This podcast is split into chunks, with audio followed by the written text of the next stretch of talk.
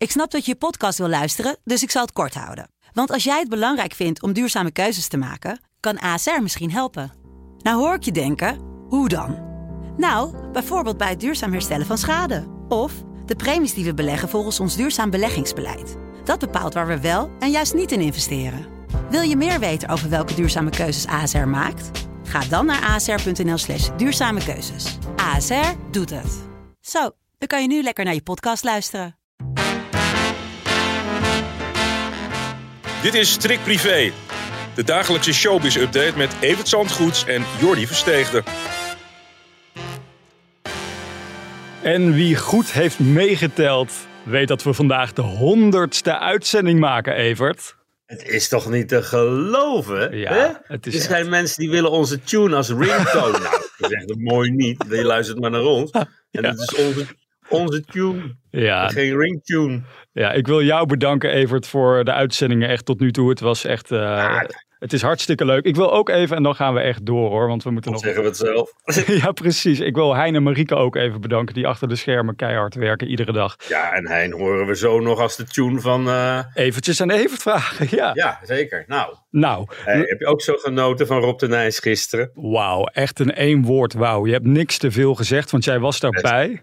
Ja, best. Ik kwam er voor, voor vakantie terug zelfs, voor die hele avond. En daarna weer weggegaan. Maar het was echt toen de moeite waard. En gisteren ook. En ik zal het nog vaak terugzien, denk ik. Van, wat was het prachtig. En 1,3 miljoen mensen hebben ervan genoten. Eigenlijk nog veel meer. 2,5 miljoen hebben er in ieder geval een tijdje naar zitten kijken. En eh, ja, het was toch aandoenlijk ontroerend. Mhm. En, en, en fantastisch tegelijk. Want die man die heeft zich daar doorheen geslagen op een manier die... eh, ja, dat is een Olympische prestatie geweest voor hem. In zijn rolstoel. Maar die stem, die, die, die leek het steeds beter te gaan doen ook die avond. De Mhm. emoties waren op een gegeven moment on- helemaal onder controle. En dan zie je hem toch nog vlammen. Maar ook met zijn ogen en, en zijn mimiek is nog steeds goed. Nou, het was een, een geweldige avond. Dat vond hij zelf ook. Hij heeft eh, zitten kijken in Oh. een lange stoel voor de televisie. Ik heb hem even gesproken. En ja, en dan klinkt dat toch wel dramatischer, moet ik zeggen. ik krijg gewoon heimwee. Hmm, Ja. En denk ik, ja man, ik kan het me voorstellen. Als je 60 jaar lang op dat podium gestaan hebt, dan heb je natuurlijk heimwee naar dat publiek, naar dat applaus, naar, naar je werk. En, en hij wordt 80 met kerst, wat we ook nog wel zullen gaan vieren. En, en ja, ik kan me voorstellen dat het een prachtige apotheose is van je carrière, maar toch wel nog een paar jaar te vroeg. Want hij had echt Charles Aznavour als, als grote voorbeeld. Die heeft op zijn negentigste nog op het podium gestaan. Dat had Rob ook wel gewild. Dat is hem niet gegund, maar als er dan toch een klap op gegeven moet worden, dan maar zo. En met zoveel erkenning en waardering. Overigens, als je het niet gezien hebt, het wordt nog twee keer uitgezonden. Oh. En eh, ik geloof op tweede kerstdag overdag en op 1 januari ook een keer overdag. Dus mensen kunnen het nog zien. En hebben ze er dan nog niet genoeg van, dan Ah. komt het concert ook nog uit op DVD en CD. Maar dat is alleen te bestellen via robdenijs.nl, de webshop. Kijk, kunnen we nu alvast één moment laten horen wat jou het meest ontroerd heeft uit het Nou, concert? dat was dat het fout ging. En ik, hij zei diezelfde avond al tegen me: Ik hoop dat mag er gewoon in blijven zitten hoor. En dat is bij dat ene prachtige nummer van Lennart Nijg en Astrid Nijg tegen Beter Weten in. En in de Ziggo Dome klonk dat op 22 juni zo. Last van een, een zal weer corona zijn.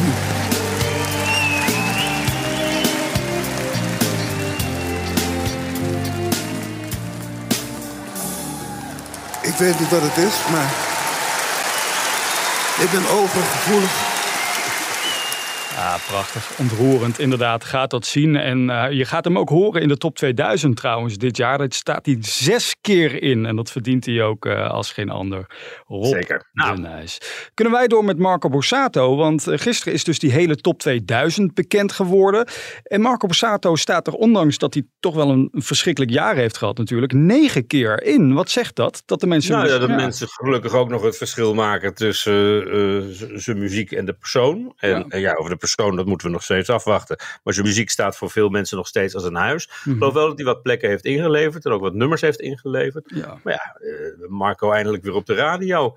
Ik denk niet wat je weet wat je hoort als je niet vermoedend de auto instapt. En je hoort ineens Marco Borsato op de radio. Ja. Want het besluit om hem niet te draaien is natuurlijk wel heel rigoureus genomen toen. Als je nu daar naar kijkt, hè, hij staat er dus negen keer in. Er is op hem gestemd. Denk jij dat Marco ooit nog een kuip gaat vullen met concerten? Dat weet ik niet. Het zal natuurlijk van de uitkomst afhangen waar, eh, waar we allemaal op zitten te wachten al zo heel lang. Mhm. Een jaar inmiddels.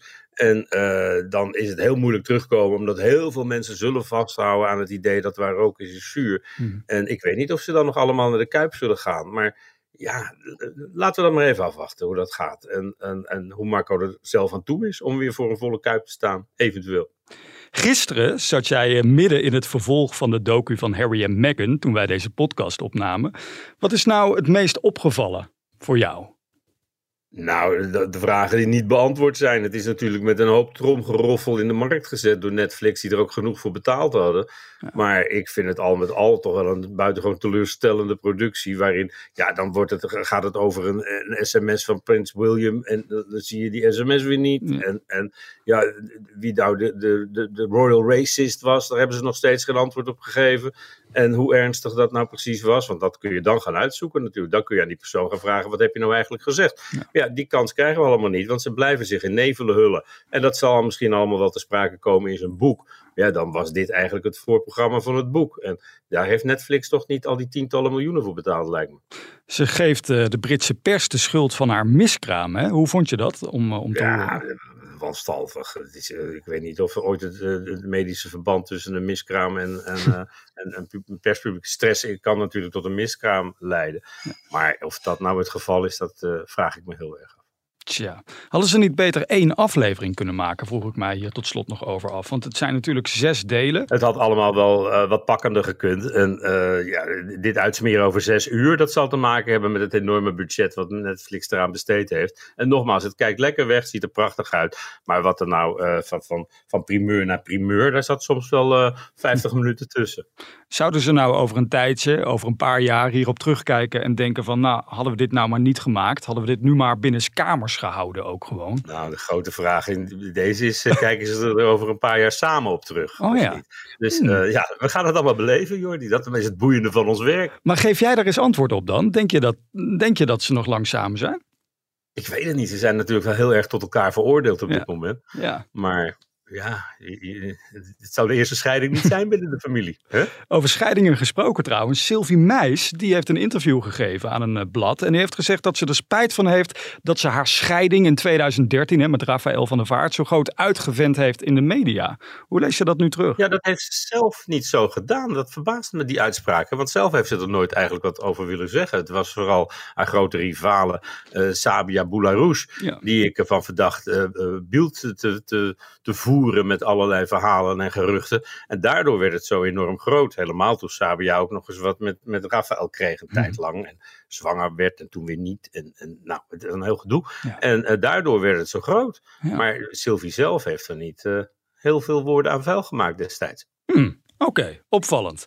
Zeg, ben je er klaar voor? Want je noemde net al Hein, inderdaad. Dat is de zanger van onze podcast. Ja. Hij staat hier. Ik draai mijn stoel alvast op. Hij, ja, ga maar staan, Hein. Ja, drie, 2, 1. Ik ga dirigeren. Kom maar.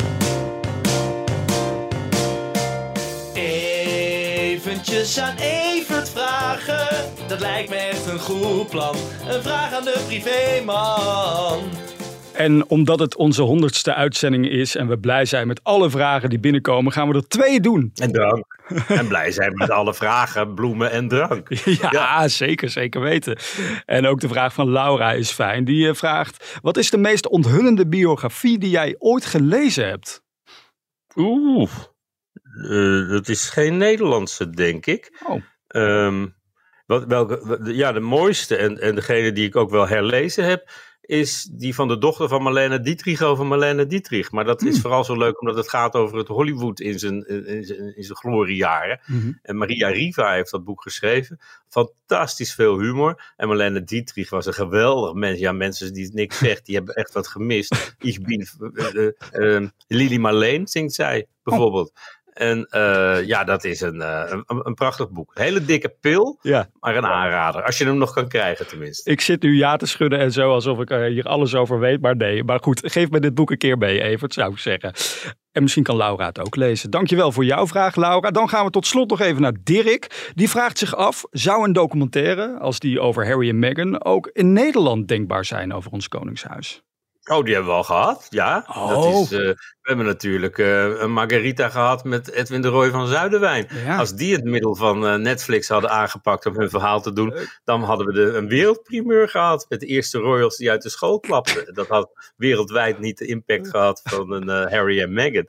Maar ja, we hebben in Nederland toch ook zo'n affaire gehad van mensen die uit de familie vielen en sappige verhalen vertelden over bijvoorbeeld toen nog Prins, Prins Friso, die toen nog bij Prinsjesdag en Koningin, Koninginnedag aanwezig was.